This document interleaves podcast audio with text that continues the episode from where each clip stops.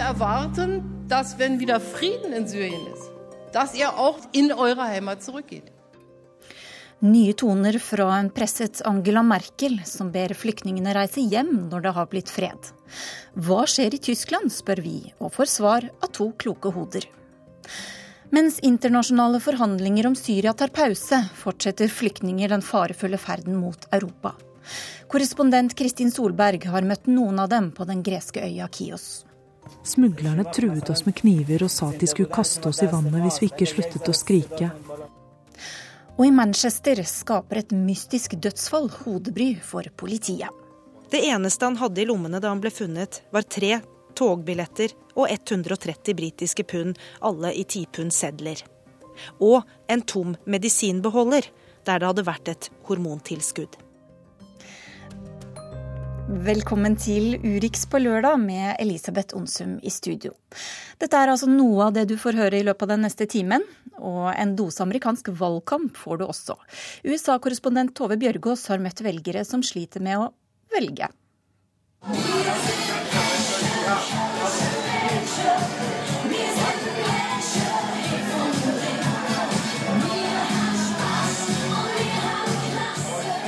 Vi er ekte Kölner-jenter vi har det gøy, og vi har stil, synges det over høyttaleren på utestedet i gamlebyen i Köln. Det er en hyllest til jentene i Köln, en av de veldig mange hyldningssangene som hvert år spilles til ære for damene.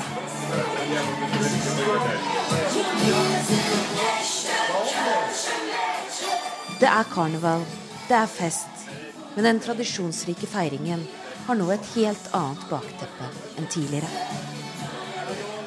Wir passen auf uns auf, bleiben zusammen, trinken vielleicht ein bisschen weniger und passen auf uns auf.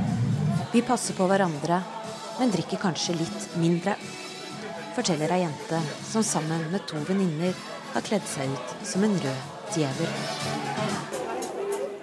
Etter overgrepene på nyttårsaften har Kölner-jentene fått mer å tenke på enn tidligere. Det samme har politiet, som har måttet tåle sterk kritikk etter at de ikke klarte å forhindre overgrepene, og siden skrev i loggen sin at nyttårsaften hadde vært en rolig kveld. Nå gjør de det de kan for å vinne tilliten tilbake, forteller kriminalkommissær Wolfgang Baldes. Die Menschen hier haben ein äh, Vertrauen zu ihrer Polizei, das brauchen wir auch. Und deshalb arbeiten wir hier auch, um dieses Vertrauen wieder zurückzubekommen. Over 2000 politifolk er på plass, innkalt fra hele Tyskland. Flere av dem går rundt med små kameraer på vesten, og videobildene som blir sendt inn til en sentral, blir overvåket av et spesialteam som sitter klare til å rykke ut dersom noe skulle skje. Dessuten er det satt opp flomlys for å lyse opp mørke hjørner, og på plassen foran domkirken er det satt opp en egen sikkerhetsstasjon for kvinner, der de kan melde seg hvis de får problemer, og så få snakke med kvalifisert helsepersonell. Men er det nok? Ja, det sind so viele Menschen und so viele Ecken, in denen man sich auch verstecken kann und Wege, über die man anreisen kann. Ich glaube nicht, dass das reicht. Aber ich glaube auch nicht, dass 20.000 reichen würden, davon mal ganz abgesehen, ja. Det er så mange mennesker og så mange mørke hjørner å gjemme seg i. Jeg synes ikke at det er nok. Men det er ikke sikkert at 20 000 hadde vært nok heller, sier en dame.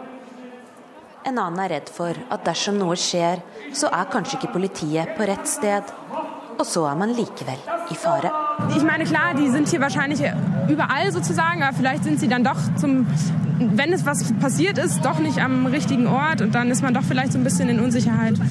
Ja, die ist noch nicht ganz so ausgeprägt. Also die Relation der 2500 Polizisten äh, stimmt nicht äh, damit überein, dass wir halt eine Million äh, Einwohner haben und dann nochmal schätzungsweise eine Million Besucher.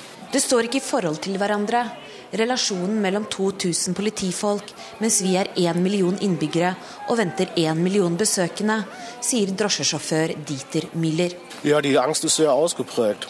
Also ich hatte gestern beispielsweise mehrere Mädchen im Taxi. Und die haben mir halt erzählt, dass ähm, die Eltern es gar nicht gut fanden, dass die halt nach Köln kommen. Angsten er utbredt. Jeg hadde i går flere jenter i taxien som fortalte at foreldrene deres ikke likte at de dro på årets karneval. Han forteller at man klart kan se at det er færre som har kommet hit i år. Ja, das konnte man dieses Jahr auf den Straßen also ganz deutlich sehen. Og hvis ikke de etablerte politikerne klarer å sette inn riktige tiltak, kan det gå mot en ytterste høyredreining i samfunnet. Og det bør ikke skje, mener han. Hvis wenn die etablierte Politik jetzt nicht die richtigen Maßnahmen ergreift, dann wird das in Deutschland wahrscheinlich auch einen ausgeprägten Rechtsruck geben. Ne? Und den kann keiner brauchen. Ja, som dere skjønte, så startet vi altså i Köln i Tyskland, der folk fortalte korrespondent Guri Nordstrøm at de fortsatt er preget etter det som skjedde nyttårsaften. Og velkommen, Ket Hansen Bundt, generalsekretær for Den norske atlanterhavskomité, og Sten Inge Jørgensen, journalist i Morgenbladet og forfatter av boka 'Tyskland stiger fram'. Hvordan mener dere at migrasjon har påvirket den offentlige debatten i Tyskland? Jeg tror det som skjedde nyttårsaften endret på en måte rammene for den politiske debatten. Det ble en litt sånn dråpen som fikk begeret til å flytte over for en del mennesker som tidligere ikke hadde vært kritiske til flyktningepolitikken. Fordi dette rørte ved grunnleggende verdier i det tyske samfunnet. Likestilling mellom kjønn, det at man skal oppføre seg skikkelig overfor hverandre osv. Men nå er det klart at det er jo ikke sånn at alle asylanter eller innvandrende menn er kvinne... Eller oppfører seg dårlig overfor kvinner. Så man har fått en mer debatt og diskusjon på dette som går på integrasjon. Altså at her må man prøve å inkludere og gjøre det Utdanne, undervise i hvordan man lever sammen i det tyske samfunnet. Stenning Jørgensen, hva tror du? Jeg tror at det var veldig alvorlig i den forstand at det bekrefta frykten til mange. da, at når Merkel først hadde sagt at vi skal klare det, ikke sant? og så tenker man hva er det motsatte av å klare det? Det må jo være at ting går ut av kontroll, og at folk til og med blir angrepet ute på gatene. Og det var jo en viss forstand det som skjedde. Så det var da De som var mest skeptiske, fikk jo da en slags punktum for sin frykt. altså De fikk det helt bekrefta. Og som Kate sier, så er det mange da som var litt på nølende, kanskje, men som da også ble enda mer redd for hva som ville skje. Men det må jo sies at de innstrammingene som nå kommer, det var jo ikke pga. køllen, altså Det var prosesser som hadde starta tidligere. Men det som kanskje fikk et startskudd eller ble ytterligere utdypet med Köln, var oppslutningen om Pegida og om Alternativet Fryr Deutschland, dette høyresidepartiet, som har endret karakter fra å være et mot, altså et anti-europarti mot fellesvalutaen til å bli et mye mer anti-innvandring, anti-islamsk parti, som har fått en veldig stor oppslutning etter Köln, selv om dette lå litt an allerede i løpet av høsten. Mm. Ja, for Det er jo ikke lenge siden, det er bare noen dager siden partilederen for dette partiet gikk ut og sa at uh, tysk grensepoliti bør kunne bruke våpen mot uh, ulovlige migranter. Um, det har hun jo også fått solid kritikk for, selvfølgelig. Men de er tredje største parti nå på meningsmålingene. Og har man nå åpnet et rom i den offentlige debatten som har vært tabu veldig lenge i Tyskland? Ja, det kan man godt si. Altså, nå har jo da altså, Søsterpartiet til Angela Merkel, CSU i Bayern, de har jo lenge tenkt at de skal være det partiet ytterst til høyre, og at de skal passe på at ingen kommer lenger til høyre enn de. og Der har du hatt innvandringskritiske stemmer hele veien. Så for så vidt har det vært stemmer i det rommet, men det har ikke vært et eget parti av noe størrelse. Og AFD tar helt klart nå det rommet. Og som Kate sa, de begynte med euromotstand, altså under eurokrisen. Og så så du gradvis en sånn fusjon med Pegida, med de som demonstrerte i Dresden. Og så fikk du da et fullblods, sånn klassisk europeisk høyrepopulistisk parti. Dvs. Si at du er mot euro mot innvandring. Og hvor store de kan bli, vet vi jo ikke. Men jeg tror ikke de kan bli veldig store. Jeg tror at grunnen til at de nå måler opp mot 10-15 det er at akkurat nå er flyktningkrisen så på en måte overtydelig i media. Frykten er så tydelig. Men du vil ikke se at så stor andel av tyskerne faktisk deler deres politikk utover det. Det som skal sies, er jo også at man har en storkoalisjon i Tyskland hvor man har på en måte, eh, akkurat som Høyre og Arbeiderpartiet skulle samarbeidet i Norge, kristeligdemokrater og sosialdemokrater. Eh, dette gjør jo at det er blitt eh, lite rom for opposisjon i, innad i det tyske forbundsdagen. Veldig mange like stemmer, sånn at da vokser ytterligere ytterkantene som på en måte kanaliserer den frustrasjonen til de menneskene som ikke representeres i det parlamentariske systemet. Og det er jo det vi har sett. En annen fare er jo at eh, de etablerte politiske partiene alle trekkes mot høyre for på en måte å lukke igjen det eh, handlingsrommet, eller det åpne rommet, som, som blir på en sånn innvandringskritisk, mer sånn høyre, ytre høyreradikal eh, front, sånn at hele partisystemet eh, forflytter seg litt. For Merkel har jo egentlig vært en politiker som har trukket det kristeligdemokratiske partiet tett mot sosialdemokratene. Alternativet for er et politisk parti som aspirerer etter seter i forbundsdagen. De var kun 0,3 unna ved forrige valg. Eh, og det er klart, i dag ligger de på 12-13% på meningsmålingene. Hvis bare halvparten av disse stemmer eh, på Alternativ for Deutschland ved valget i 2017, så har man jo for første gang i tysk etterkrigshistorie et høyre-radikalt parti på innsiden av forbundsdagen. Tyskland har jo eh, hele tiden vært annerledeslandet i Europa, og Angela Merkel har vært sta på at det skal de fortsette å være. Hva slags situasjon har dette blitt for henne? Jeg tror at eh, det er Mange har overvurdert eh, hennes personlige risiko. Eh, de har fremstilt det som om hun på en måte har stått der som et sånn fyrtårn, moralsk fyrtårn alene. Men faktum er jo at da hun sa at vi skal holde grensene åpne og at vi skal klare det, så hadde jo hennes egne etterretningsfolk sagt at det kom til å komme 800 000 i løpet av året. Det var jo ikke sånn at de kom bare fordi hun sa det. Og Dessuten så var det jo sånn at to tredjedeler av tyske befolkninga støtta henne på det tidspunktet. De sa ja vel, vi skal klare det, vi skal ta imot dem.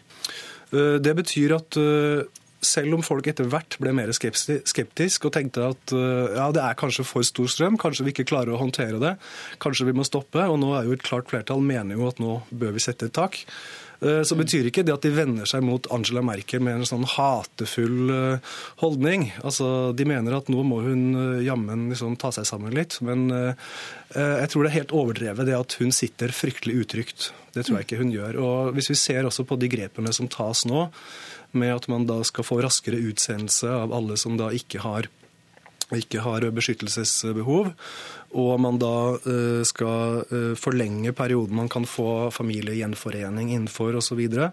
så er det klart, hvis det begynner å materialisere seg, sånn at tysk opinion føler at situasjonen er litt mer håndterbar, litt mer under kontroll, så kan hun flyte litt på det også.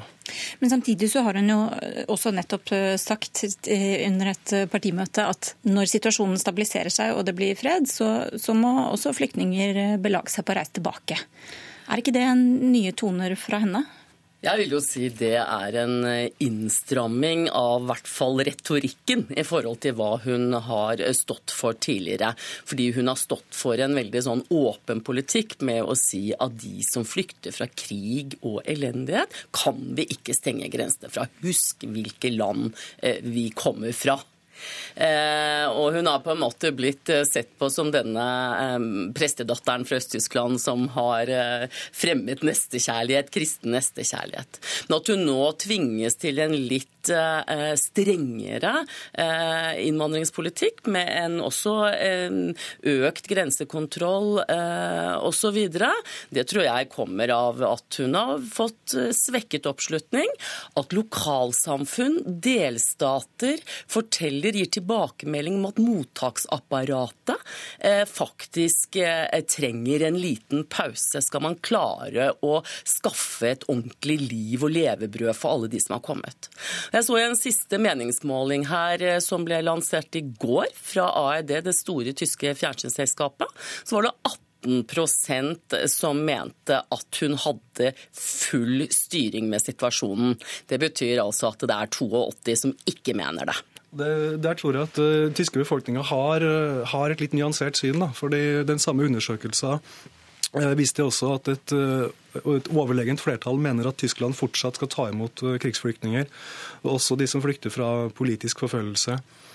Så situasjonen kan egentlig beskrives som at man vil ikke på en måte gi slipp på de idealene man har, men man må bare få ned tallene. Altså, det er rett og slett, det er rett og slett volumet som har blitt for stort. I mars regner man med, da, når det begynner å bli varmere i været, hvis du da ser at du får den samme tilstrømningen som i fjor, altså, eller kanskje da enda høyere, eh, så vil det jo tvinges frem en, en, en, dramatisk løsning på et eller annet vis. fordi det vil ikke Tyskland klare ett sånt til år.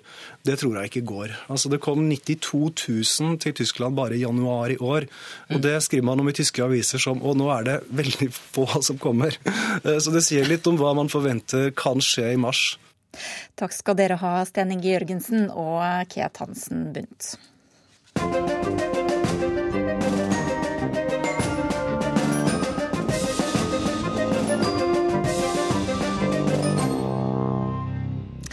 Og mens forhandlingene om Syria står i stampe, fortsetter flyktningene sine farefulle reiser over havet. Vinteren skulle være lavsesong for båtflyktninger til Europa. Men i januar kom det tolv ganger så mange migranter fra Tyrkia til Hellas som i samme måned i fjor. Korrespondent Kristin Solberg har vært på Kios og sett plastbåtene komme inn. Det er lenge etter midnatt, og frivillige på den greske øya Kios speider etter båter i mørket. En ung kvinne titter inn i en kikkert, ser mot et lys i det fjerne. Det er et bål. Det er helt sikker Ja, jeg er også sikker på at det er et bål. Et bål betyr trolig at flyktninger er gått i land. Men hva gjør man egentlig når man kommer i land på en fremmed kyst i mørket? Går, men hvor? Venter, men på hva? Et svar er å tenne et bål for å holde varmen til de andre svarene blir klarere. De frivillige som tilhører organisasjonen Dråpen i havet, setter seg i biler og kjører raskt på svingete kystveier i retning bålet. Det er ikke like kaldt som i forrige uke, da var det sludd og ned mot null grader. Nå er det noen få varmegrader, men det er ikke mye hvis man er blitt våt. Heller ikke hvis det er barn eller gamle blant gruppen. Det haster å finne dem. Det er kommet mange båter allerede i dag og i natt. Overfylte plastbåter med mennesker som har mistet mye og gamblet resten på denne ene sjansen. Hvis vinden er sterk og havet vilt, er de våte og redde. Hvis bølgene er små og reisen rolig, er de glade og lettet. De kommer i land med gråt og store øyne, eller smil og vink.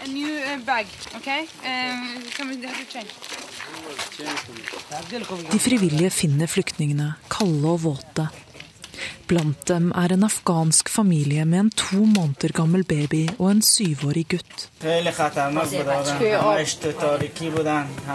گریه میکردن داد میزدن همه قاچاق برام میگفتن ما چاقو میکشن داد نزنید کشتی را پاره میکنم شما را میندازم تو Vi har hatt store vanskeligheter hele veien.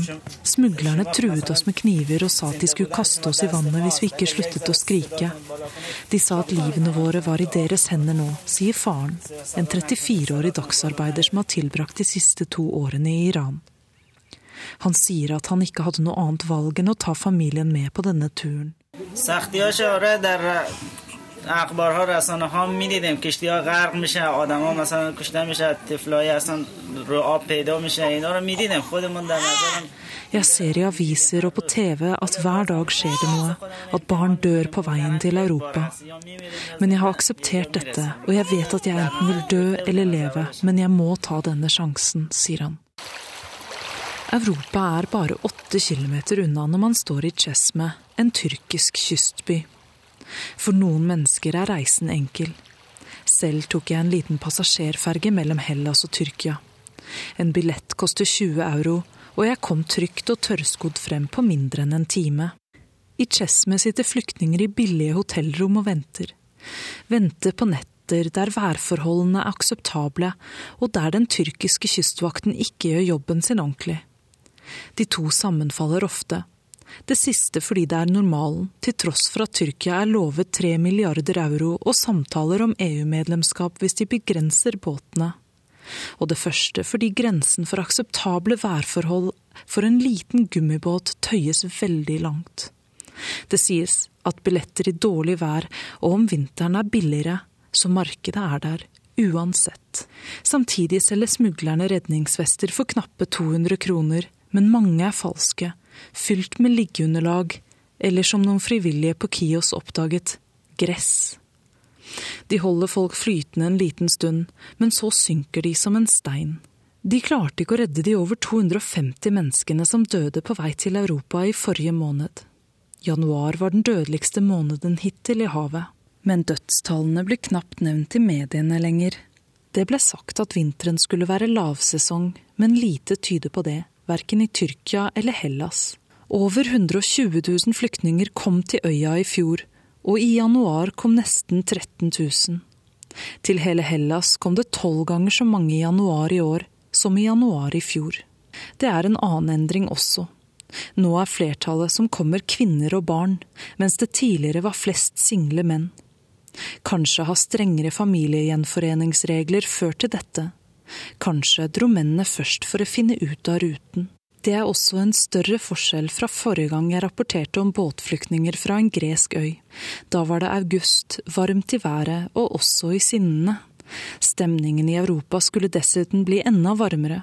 Dette var like før bildet av Aylan Kurdi liggende på en strand i Tyrkia med borrelåsene på skoene åpne og ansiktet ned.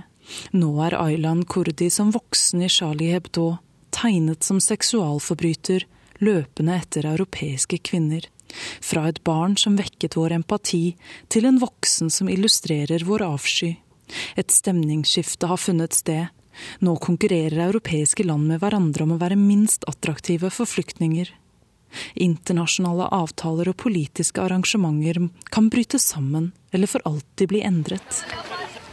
Alt dette er mange flyktninger lykkelig uvitende om når de går i land på Kios. Det første de gjør, de tar av seg redningsvestene og kaster dem i en haug. De smiler og ringer slektninger for å si at de overlevde, at de er framme nå. De vinker når de forlater øya også, gjerne bare et døgn eller to senere. For Kios er en transittøy, det er ikke noe blivende sted. Barn som rir på pappas skuldre, bæres inn i en diger ferge i retning Aten sent en kveld denne uken. En syrisk mor som nettopp har fjernet en brystkreftsvulst, hjelpes om bord av sin 22-årige sønn. De sier at de håper på Danmark, der datteren og søsteren er. Den afghanske familien som kom i land i mørket ved bålet, håper på Tyskland eller Sveits. De tror at de er framme snart. Idet de går inn i fergen til fastlandet, mumler jeg noe om at det kan komme til å bli vanskeligere enn de tror. Men jeg sier ikke at noen afghanere returneres. Det er uansett ikke sikkert de hadde trodd meg, etter å ha festet så mye håp til reisen de er på. Derfor smiler jeg og sier Sinda Bashi. Det er en vanlig avskjedsfrase i Afghanistan, og det betyr må du leve. Så treffende som avskjedsfrase i en krigssone, men også her, på kaia i Kios. Noen, kanskje mange av menneskene som går om bord, kommer til å bli sendt tilbake. Men her er det bare håp og smil og hender som vinker. En frivillig sier det hele gir assosiasjoner til Titanic. I løpet av noen minutter forsvinner båten i horisonten. Lyden av den enorme motoren erstattes av lyden av bølger mot kaia. Lysene forsvinner, og der ute i havet er alt bare mørkt, bortsett fra et svakt lys fra månen. Det vil vise veien for nye flyktninger i natt. De kommer, for værforholdene er gode, og den tyrkiske kystvakten later ikke til å være på hugget, i hvert fall ikke ut å dømme fra alle båtene som har kommet det siste døgnet. Men lyset, det er ikke sterkt nok til å tydeliggjøre den viktigste veien, den vi skal gå videre sammen nå.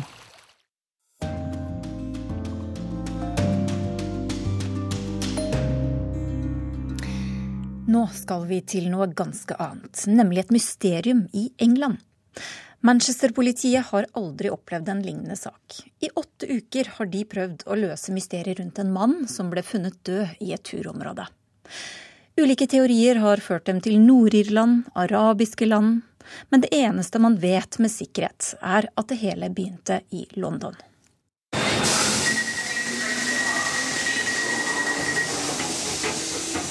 En eldre, velkledd mann tar tuben 11.12. fra Ealing Broadway vest i London til togstasjonen Houston i sentrum. Der kjøper han en tur-retur-billett til Manchester og setter seg på toget. Drøye to timer senere er han framme.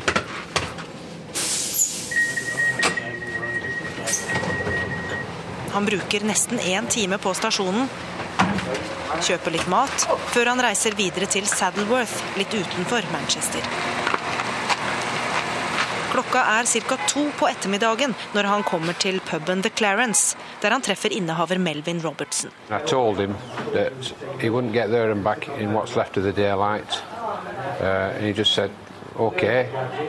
Asked me again the directions, I told him again. And he said, thank you very much, and went on his way. Han spurte meg om veien til Indians Head på Saddleworth Moor. Jeg sa han ikke kom til å rekke fram og tilbake dit før det ble mørkt, forteller Robertson til Sky News. Men alt tyder på at mannen likevel gikk. For dagen etter ble han funnet død over et vannbasseng i turområdet Peak District som han hadde spurt etter. Rett ved toppen Indians Head. Hvem var han? Hva skulle han der? Hvordan døde han? Spørsmålene er langt flere enn svarene. There has to be a reason why somebody of that age would travel such a distance to be at that location at the time of the a time of year when the weather was so poor. Han må ha hatt en grunn for å gå dit, sier denne talsmannen for Manchester-politiet. Det eneste han hadde i lommene da han ble funnet, var tre togbilletter og 130 britiske pund, alle i 10 pund sedler. Og en tom medisinbeholder, der det hadde vært et hormontilskudd. Men ifølge eksperter er det så godt som umulig å ta en dødelig overdose av denne medisinen, så politiet nærmest utelukker det som dødsårsak. Men plastbeholderen er interessant av en annen grunn. Skriften var på arabisk. Det betyr at han kan ha kjøpt den på nettet, men det åpner også for muligheten for at han er fra et annet land, sier etterforsker John Coleman til Manchester Evening News. I de åtte ukene som har gått siden mannen døde, har politiet prøvd å løse mysteriet om den ukjente, målrettede, velkledde eldre mannen. Var han en overlevende etter en flystyrt i 1949? 24 mennesker omkom da et fly fra British European Airways på vei fra Belfast til Manchester fikk navigasjonsproblemer og styrtet, nettopp her i Saddleworth. Men to små gutter på to og fem år overlevde. Kunne han være en av dem, som returnerte til åstedet i en slags pilegrimsreise? Den ene av guttene døde senere, men den andre, kunne han være ham? There was a few children who, the, who survived from the plane crash, and maybe he was um, one of those people. He would match the ages, but there are inquiries ongoing to see if we can discount that. Og Manchester-politiets undersøkelser ledet dem til en 72 år gammel professor i Southampton som kunne avvise hele teorien. Stephen Evans forteller ifølge The Daily Mail at han er gutten som overlevde. Men politiet lurer likevel på om den døde mannen kan ha hatt en annen tilknytning til ulykken. Politiet lurer også på om han kan knyttes til et annet uløst mysterium. 7.2.1994 forsvant Hugh Toner fra et sykehus i Nord-Irland. Hjemme ventet moren, kona og sønnen. Ingen av dem verken så eller hørte noe mer fra ham. Politiet har aldri klart å finne ut hvor han ble av. Nå har sønnen, Sean Toner, håp om at han endelig kan få et svar. It's, it's hard to explain, you know, it, you do feel, you know, very emotional about it, you know. Um, and, you know, part of you wants it to be him, and part of you doesn't. Det er veldig følelsesladet. Jeg både håper og ikke håper at det er han, sier Toner til Sky News. Nå har han gitt fra seg DNA for å sjekke det opp mot den døde mannen. Toner mener overvåkningsbildene av den døde rimer med utseendet til faren. De hadde begge brukket nese og var ca. like gamle.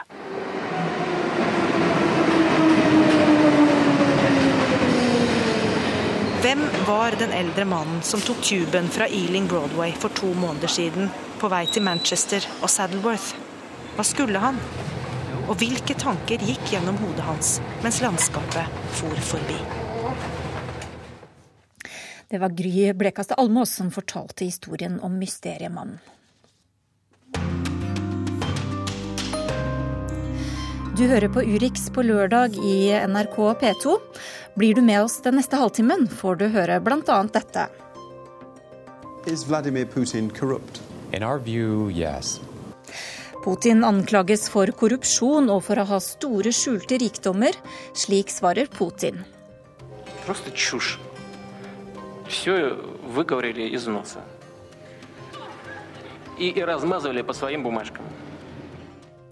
Og oversettelsen den får du høre i Jan Espen Kruses reportasje om litt. Og korrespondentbrevet denne uka er signert Morten Jentoft.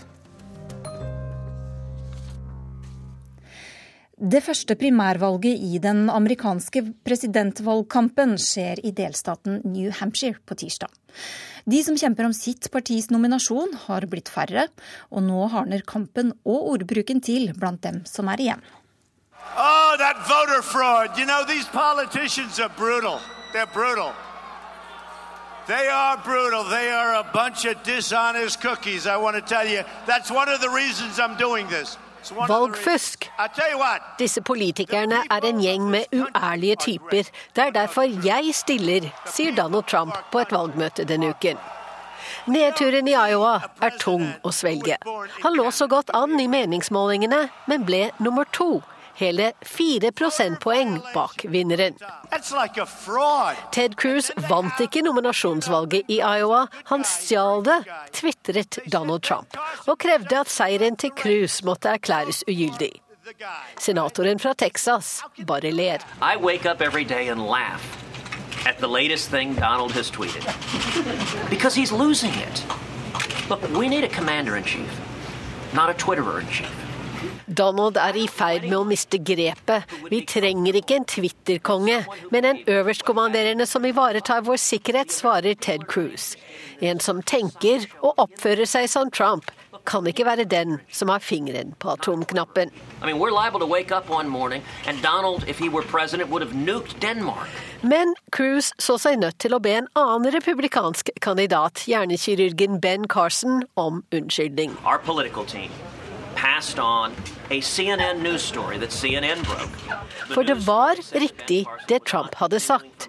At staben til Cruz hadde antydet at Carson var i ferd med å trekke seg fra nominasjonskampen, og at hans støttespillere i Iowa derfor heller burde stemme på Cruz.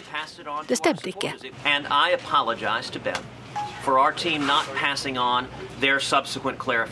Vi forventer å se om han virkelig mener det, er Ben Carsons kommentar and we'll wait and see what he does to demonstrate that.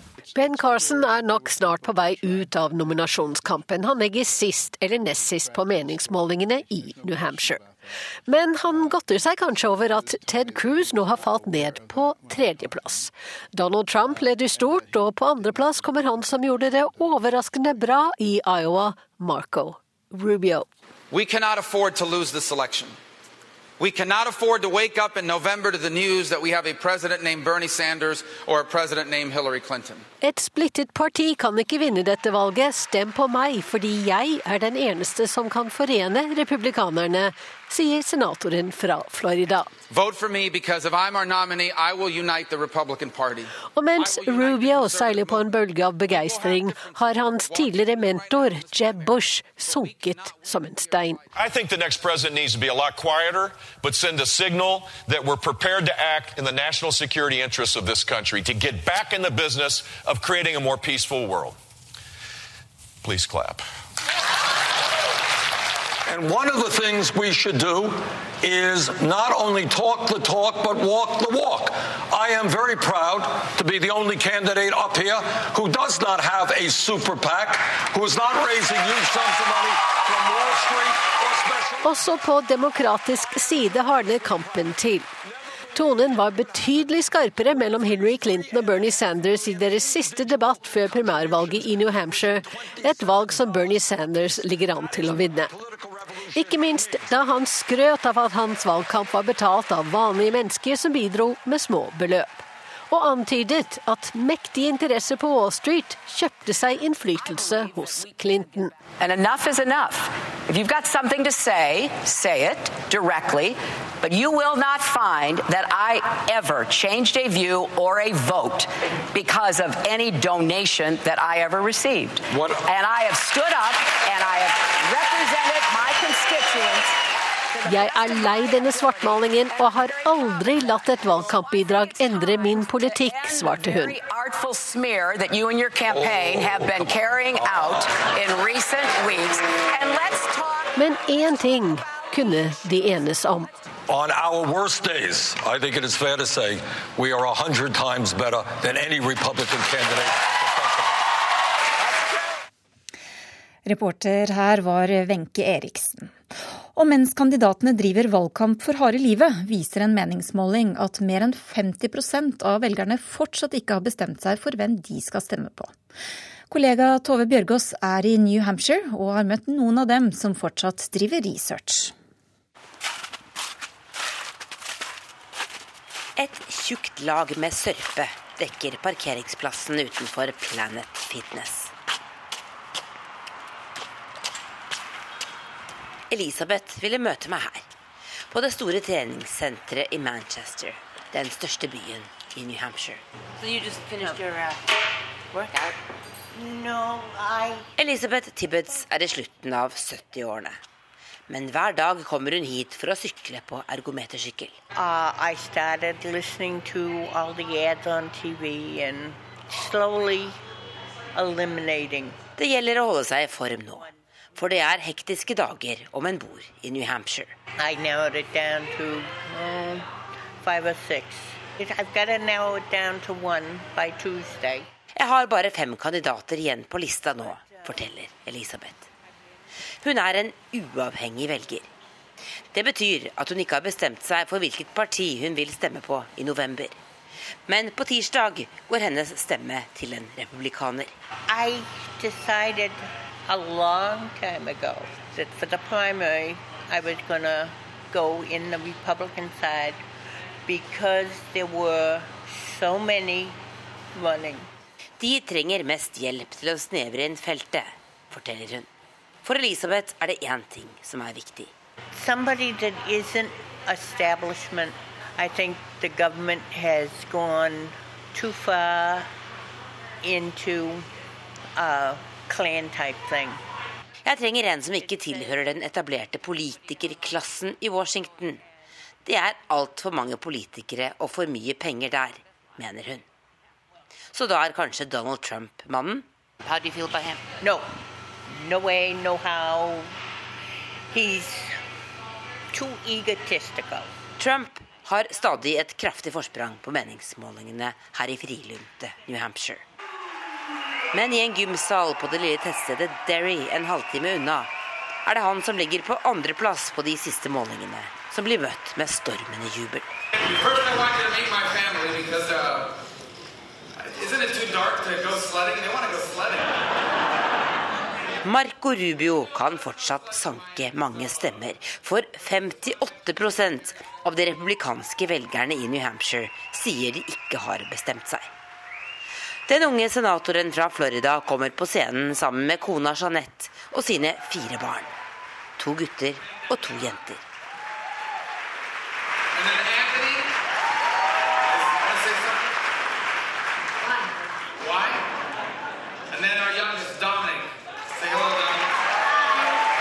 Rubio forteller om de cubanske foreldrene sine som kom til USA i 1956. Om faren som sluttet på skolen da han var ti, men fikk jobb som bartender i Miami Beach. Så barna hans kunne få flere muligheter enn han selv hadde fått. He's lived it all. He's lived, you know, student debt, $100,000 in student debt that he only just paid off four years ago, raising four kids. It's, it's tough. So these are all messages that allow him to connect with. Han har en historie mange her kan kjenne seg igjen i, sier Ana, som har tatt en uke fri fra jobben i Florida for å banke på dører her i New Hampshire. And what are people saying? Very positive, I think, especially the, among the young young folks. I just solidified it. Wait for Tuesday and I'm, my vote's in. Jane Grimm har endelig bestemt seg for hvem hun vil stemme på. No, I have not made up my mind yet, no. Rick vipper fortsatt mellom Rubio og den andre cubanskættede i kurven, Ted Cruz. Right now, I'm leaning towards Rubio because he seems like he could get do better on the general um, election. På ergometersykkelen 25 km unna rister Elisabeth på hodet. Nei, Rubio er for ung og for Washington. Hun gir meg endelig lista si. Jeb Bush, Chris Christie, John Kasich, Carly, Carla Fiorini and uh, Ted Cruz. Hun skal bruke helga til å bestemme seg for hvem som får hennes stemme. Chris Christie and Jeb Bush both have good points. Chris Christie og Jeb Bush ligger et hestehode foran de andre. I think that as governors, they learned to fight and argue with the Washington elite.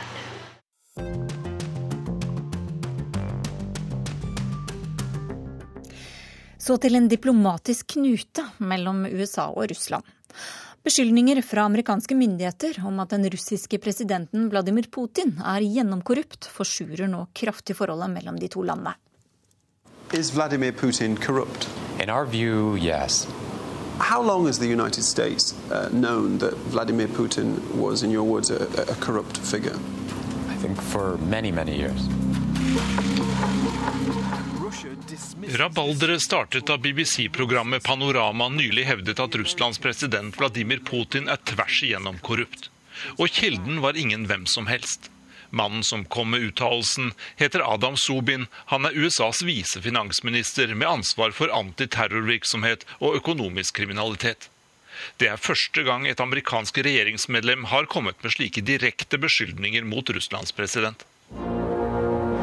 We've seen him enriching his friends, his close allies, and marginalizing those who he doesn't view as friends, uh, using state assets, whether that's Russia's energy wealth, whether it's other uh, state contracts. He directs those to whom uh, he believes will serve him and excludes those who don't.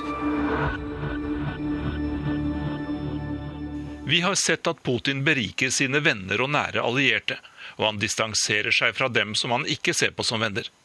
Han bruker statens verdier, f.eks. energirikdommene og statlige kontrakter, til å berike dem som støtter ham, sier den amerikanske visefinansministeren. Men Putin selv har også blitt superrik, blir det sagt i programmet. What figure did you come up with for Vladimir Putin's wealth? Uh, 40 billion of dollars in assets, not in cash, of course. I'm still sure Putin is the richest man in Europe.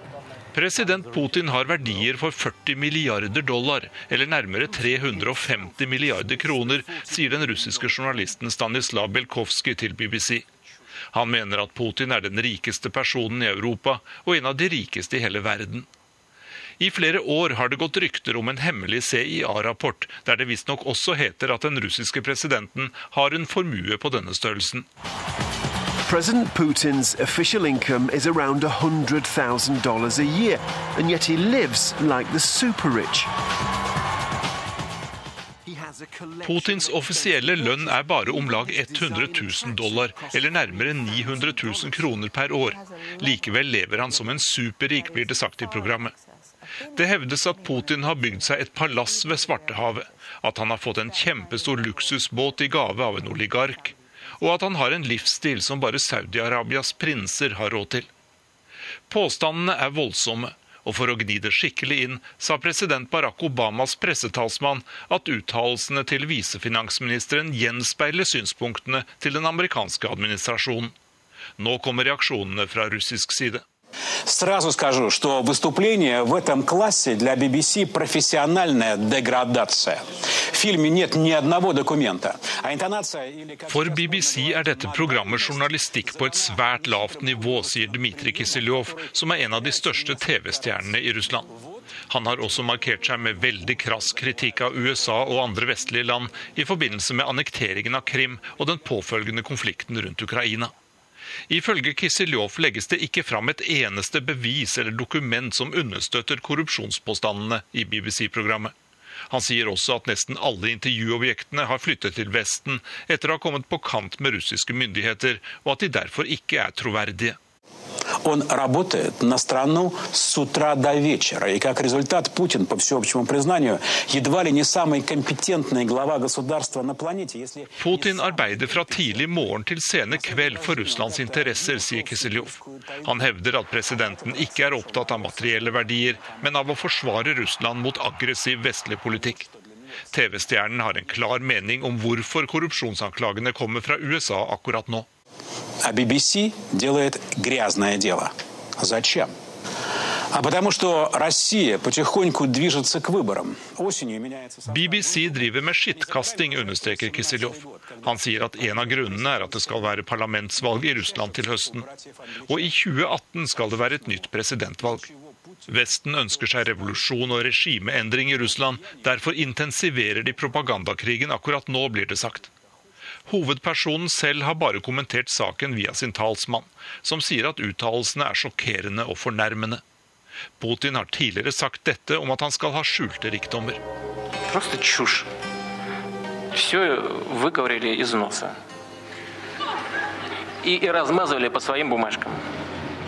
Påstandene er bare tull. Dette er snørr som journalistene har pirket ut av nesa og smørt utover papiret, sier Russlands president Vladimir Putin. Men uansett, korrupsjonsanklagene kommer til å forsure forholdet mellom USA og Russland i lang tid framover.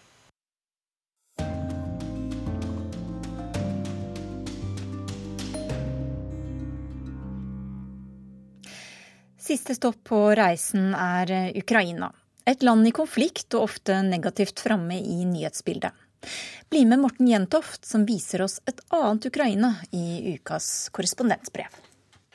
Huff, det ser alltid så grått og trist ut i Ukraina, sa en kollega av meg etter å ha sett noen reportasjer jeg hadde laget og sendt på NRK TV fra dette store landet øst i Europa denne uken. Da kom jeg til å tenke på den fantastiske gastronomiske opplevelsen som jeg hadde nå i januar på restaurant Kanapa i Kiev. Jeg har vært på denne restauranten før, men denne kvelden bestemte vi, jeg hadde med familien til den ukrainske hovedstaden, oss for å prøve noe helt nytt, anbefalt av den høflige kelneren. Vi har en syvretters middag som bygger på ukrainske mattradisjoner, men der kokken vår har forsøkt å utvikle den videre.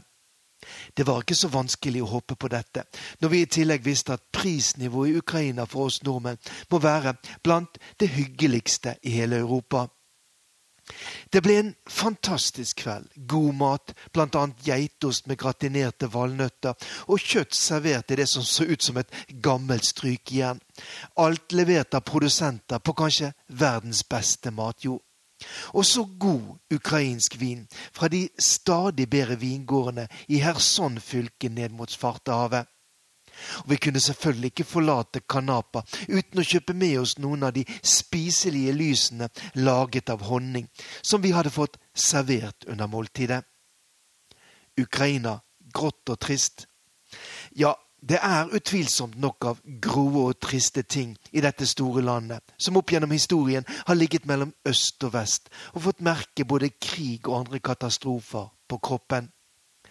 Og den siste uken har igjen brakt Ukraina fram i nyhetsbildet, og selvfølgelig med negativt fortegn, etter at landets litauiske økonomiminister under stor ståhei valgte å trekke seg pga. det han mente er en korrupsjonskultur som truer hele Ukrainas framtid. Som journalist er det dessverre ofte min oppgave å formidle negative nyheter. Det er de som er dramatiske, og som har bilder som slår gjennom på TV, nett og radio. Og Ukraina har ikke manglet slike bilder de siste årene. Med det dramatiske opprøret på Maidan, den store plassen sentralt i hovedstaden Kiev, krigen i Donbass øst i landet, og nå den dramatiske omstillingen med kampen mot den altomfattende korrupsjonen som et sentralt element.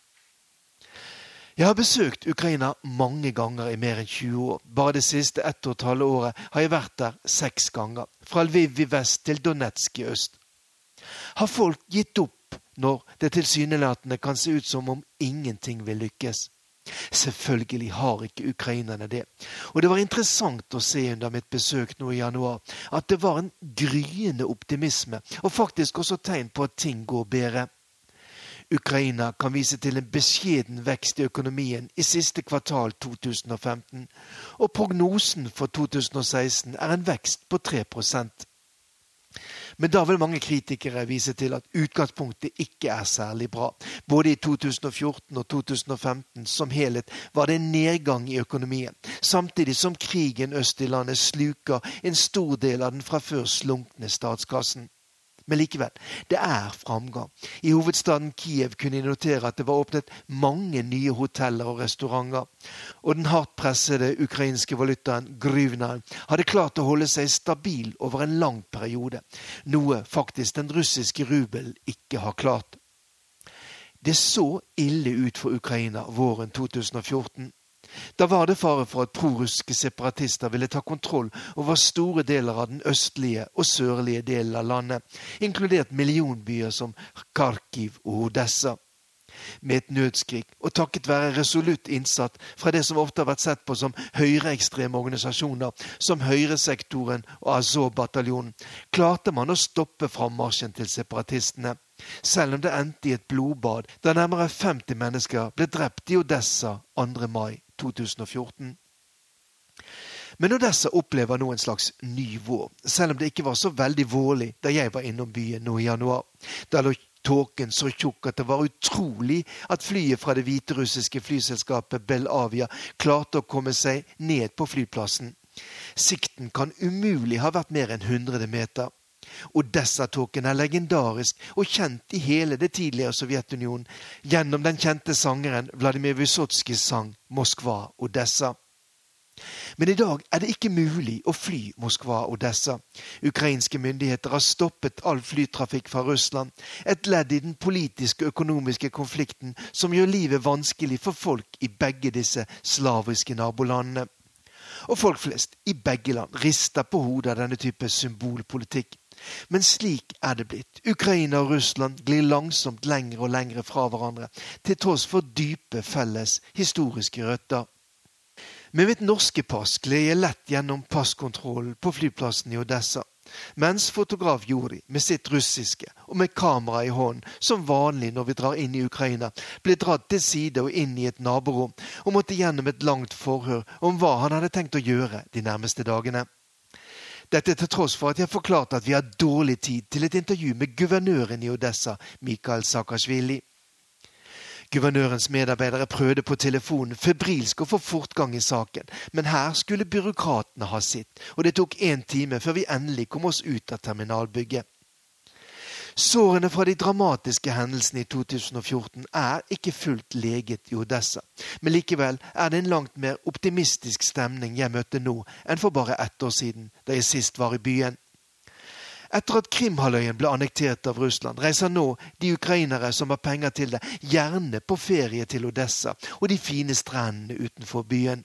I 2015 var det en voldsom økning i tallet på turister til denne vakre og spennende byen med den berømte trappen ned mot havnen, kjent fra Sergej Eisensteins stumfilm 'Panserkrysseren Patjomkin'. Mange følger det som skjer i Odessa med argusøyne, klarer byen å skape forsoning etter hendelsene i 2014. Og når kommer resultatene for den utålmodige nye guvernøren, Georgias tidligere president Mikhail Saakashvili? Saakashvili har i alle fall ikke klart å asfaltere alle veiene ut fra byen. Det kan jeg konstatere der jeg sitter i bilen på vei østover til Mariupol og konfliktområdet i Donbass en tidlig januarmåned. For mens Russlands president Vladimir Putin virkelig kan vise til at veistandarden langsomt er blitt bedre, så går det motsatt vei i Ukraina. Det er et sant mareritt å bevege seg med bil mange steder. Her har min kollega rett i at det meste er grått og trist, og i tillegg fullt av hull og uforutsigbare dumper. Ukrainas president Petro Porosjenko kan selvfølgelig si til folk og oss andre som beveger oss rundt i bil, at vi må være tålmodige. Landet er i krig, og det tar tid å få orden på økonomien. Her i den i hovedsak russisktalende delen av Ukraina merker jeg at folk er forsiktig avventende til det som skjer. Få snakke om Novorassia, det nye Russland, som den russiske presidenten Vladimir Putin brukte våren 2014 som et navn på de områder av Ukraina han mente hadde naturlig tilknytning til Russland, og som den gangen holdt på å gli ut av den ukrainske sentralmaktens kontroll. Alle meningsmålinger viser at også befolkningen her føler seg som ukrainere og vil være en del av Ukraina. Men det var et varsku både for regjeringen i Kiev og reformvillige politikere som Mikhail Saakashvili at det var en representant for det gamle og russiskvennlige regimet som med stort flertall vant ordførervalget i Odessa sist høst. Det at de mer reformvennlige kreftene med Saakashvili i spissen hadde vanskelig for å akseptere nederlaget, har så tvil om hvor dypt den demokratiske viljen sitter hos dem som til vanlig erklærer at de ønsker å gjøre Ukraina til et demokratisk og europeisk samfunn. Men Ukraina er et spennende land å reise rundt i, og folk er åpne og vil gjerne snakke og diskutere. Og ingen er redd for å kritisere de som styrer. Her er kontrasten til et stadig mer ensrettet og autoritært Russland slående. Og det finnes et svært aktivt sivilt samfunn i Ukraina, som bl.a. sørger for at soldatene som er ved fronten i øst, har et minimum av forsyninger til å klare seg, noe landets myndigheter ofte ikke er i stand til å gi dem. Og så er det kreative mennesker som Dima Borisov, som i tillegg til Kanapa driver rundt ti restauranter både i Kiev, Odessa og Lviv, og som prøver å skape noe nytt i sitt hjemland, bygd på det unike ukrainske. Og det er mange som ham som ønsker å utvikle dette fra naturen så rike landet. Ukraina har mye å by på. Jeg gleder meg alltid til å reise dit, og anbefaler også andre å besøke landet som dessverre ofte framstår som negativt i nyhetene, men som når det først er der, overrasker positivt, og ofte i farger. Morten Jentoft, Moskva. Urix på lørdag er ved veis ende. På søndag kan du se Kristin Solbergs TV-reportasje fra Kios i Søndagsrevyen på NRK1 klokka 19. Teknisk ansvarlig var Espen Hansen. Produsent var Liv Rønnaug Lilleåsen. Jeg heter Elisabeth Onsum.